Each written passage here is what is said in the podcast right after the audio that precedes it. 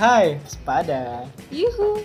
Selamat datang di Kosa Rasa. Kosa rasa itu tempat berbagai macam rasa. Bisa diungkapin melalui kata. Aduh, Yes, tanpa menjustifikasinya. Waduh, lebih mantap.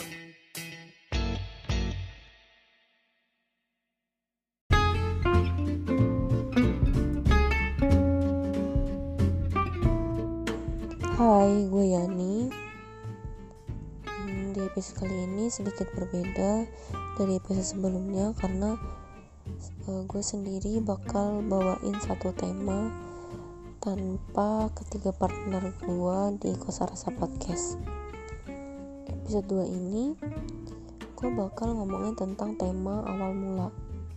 Nah sebelumnya gue udah nyari eh, pengertian atau arti dari awal mula itu sendiri.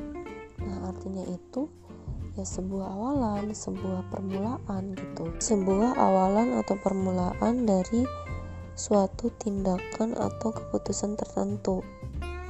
Contohnya, hmm, pasti kalian sering dengar kan kata-kata ini.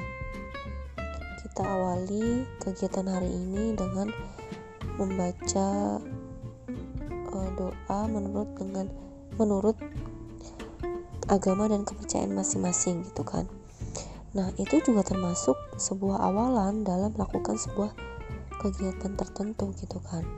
Sama halnya dalam mengambil keputusan di kehidupan yang kita lakukan gitu kan. Pasti ada eh, proses berpikir atau cara pandang kita terhadap keputusan-keputusan yang memang sudah dirasa tepat untuk diambil gitu kan.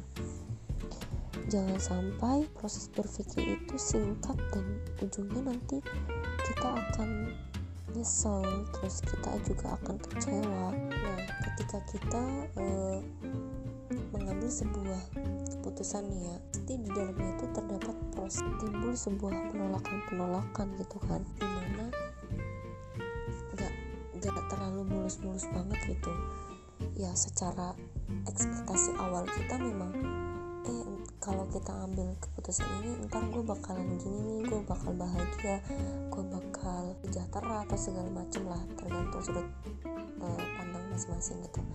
Nah namun ketika itu berbeda dengan ekspektasi kita kita akan berpikir ulang gitu. Berpikir ulang kenapa kok gue ambil keputusan itu ya? Kenapa? Misalnya kalau kerja nih kenapa gue kemarin resign ya? Misalnya gitu. Jadinya kan gue nganggur nih sekarang misalnya gitu kan. Nah pasti eh, ada sebuah penyesalan dan penolakan atau kekhawatiran tertentu gitu. Eh, di sisi lain juga dalam menghadapi proses itu pasti ada rasa ingin menyerah gitu kan menyerah dalam mencapai tujuan hidup.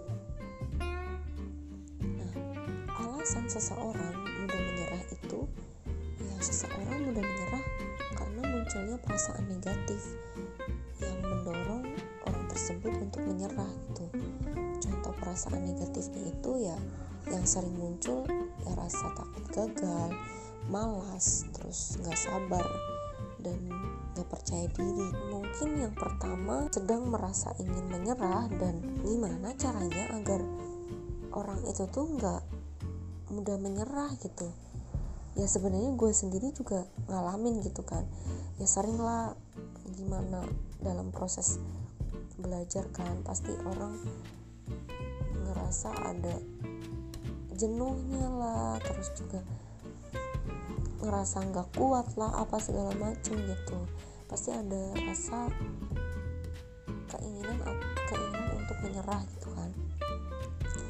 Nah, menariknya eh, kita harus mencari solusi gimana cara agar nggak mudah nyerah gitu kan. Kerjaanmu terasa berat banget untuk dilakukan. Itu tuh coba mengingat kembali gitu alasan alasan atau tujuan kamu dari awal tuh apa memulai pekerjaan itu tuh niat awalnya tuh apa gitu kan? Hal itu bisa meningkatkan motivasi kamu untuk meraih tujuannya gitu. E, dengan adanya penyelarasan gitu. Apa yang sedang kita kerjakan harus selaras dengan tujuan yang kita kita inginkan. Terus kalau kamu sih memang benar gitu kan ya ini uh, baru-baru aja gue alamin gitu kan. Ketika gue ngerasa berat ngerjain tugas gitu kan karena nggak biasa berpikir secara keras gitu. Kadang-kadang gue ngerasa aduh gue nggak mampu gue nggak kuat. Tapi kenyataannya ketika kita terus hadapi gitu kita terus hadapi terus kita eh, bangkit ya ujung-ujungnya juga bakal selesai gitu kan. Jadi memang ya harus diselaraskan gitu dengan tujuan awal. Masa iya gue bakal masa iya gue gue akan menyerah begitu saja gitu. Terus ntar kalau gue nyerah gue mau ngapain? Kan kayak gitu kan. Jadi menurut gue uh, kita ingin menyerah kita dihadapkan dengan pos, uh, pilihan gini lupakan segalanya dan lari ataupun uh, atau hadapi segalanya dan bangkit gitu. Nah dari dua pilihan itu yang kemarin gue rasain tuh ya gue lebih memilih untuk ya udahlah hadapi aja gitu kan.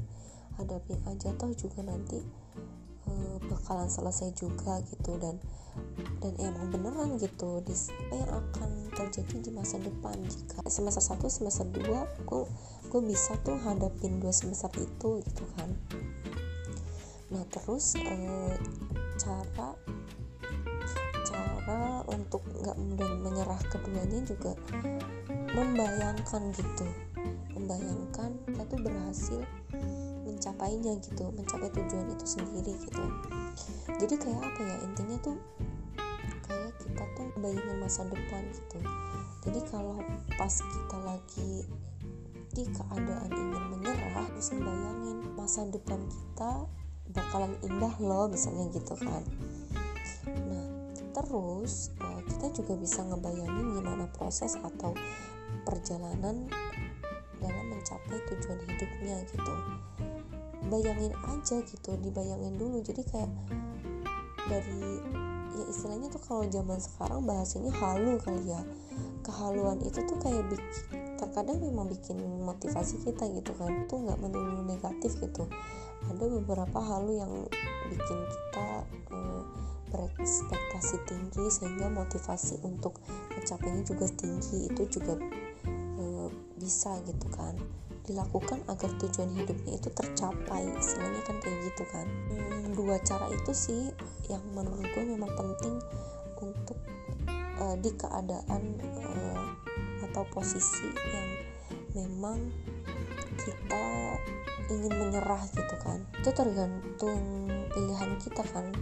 Pilihan kita bakalan tetap hadapi ataupun kita akan menyerah begitu saja dan lari dari kenyataan gitu kan.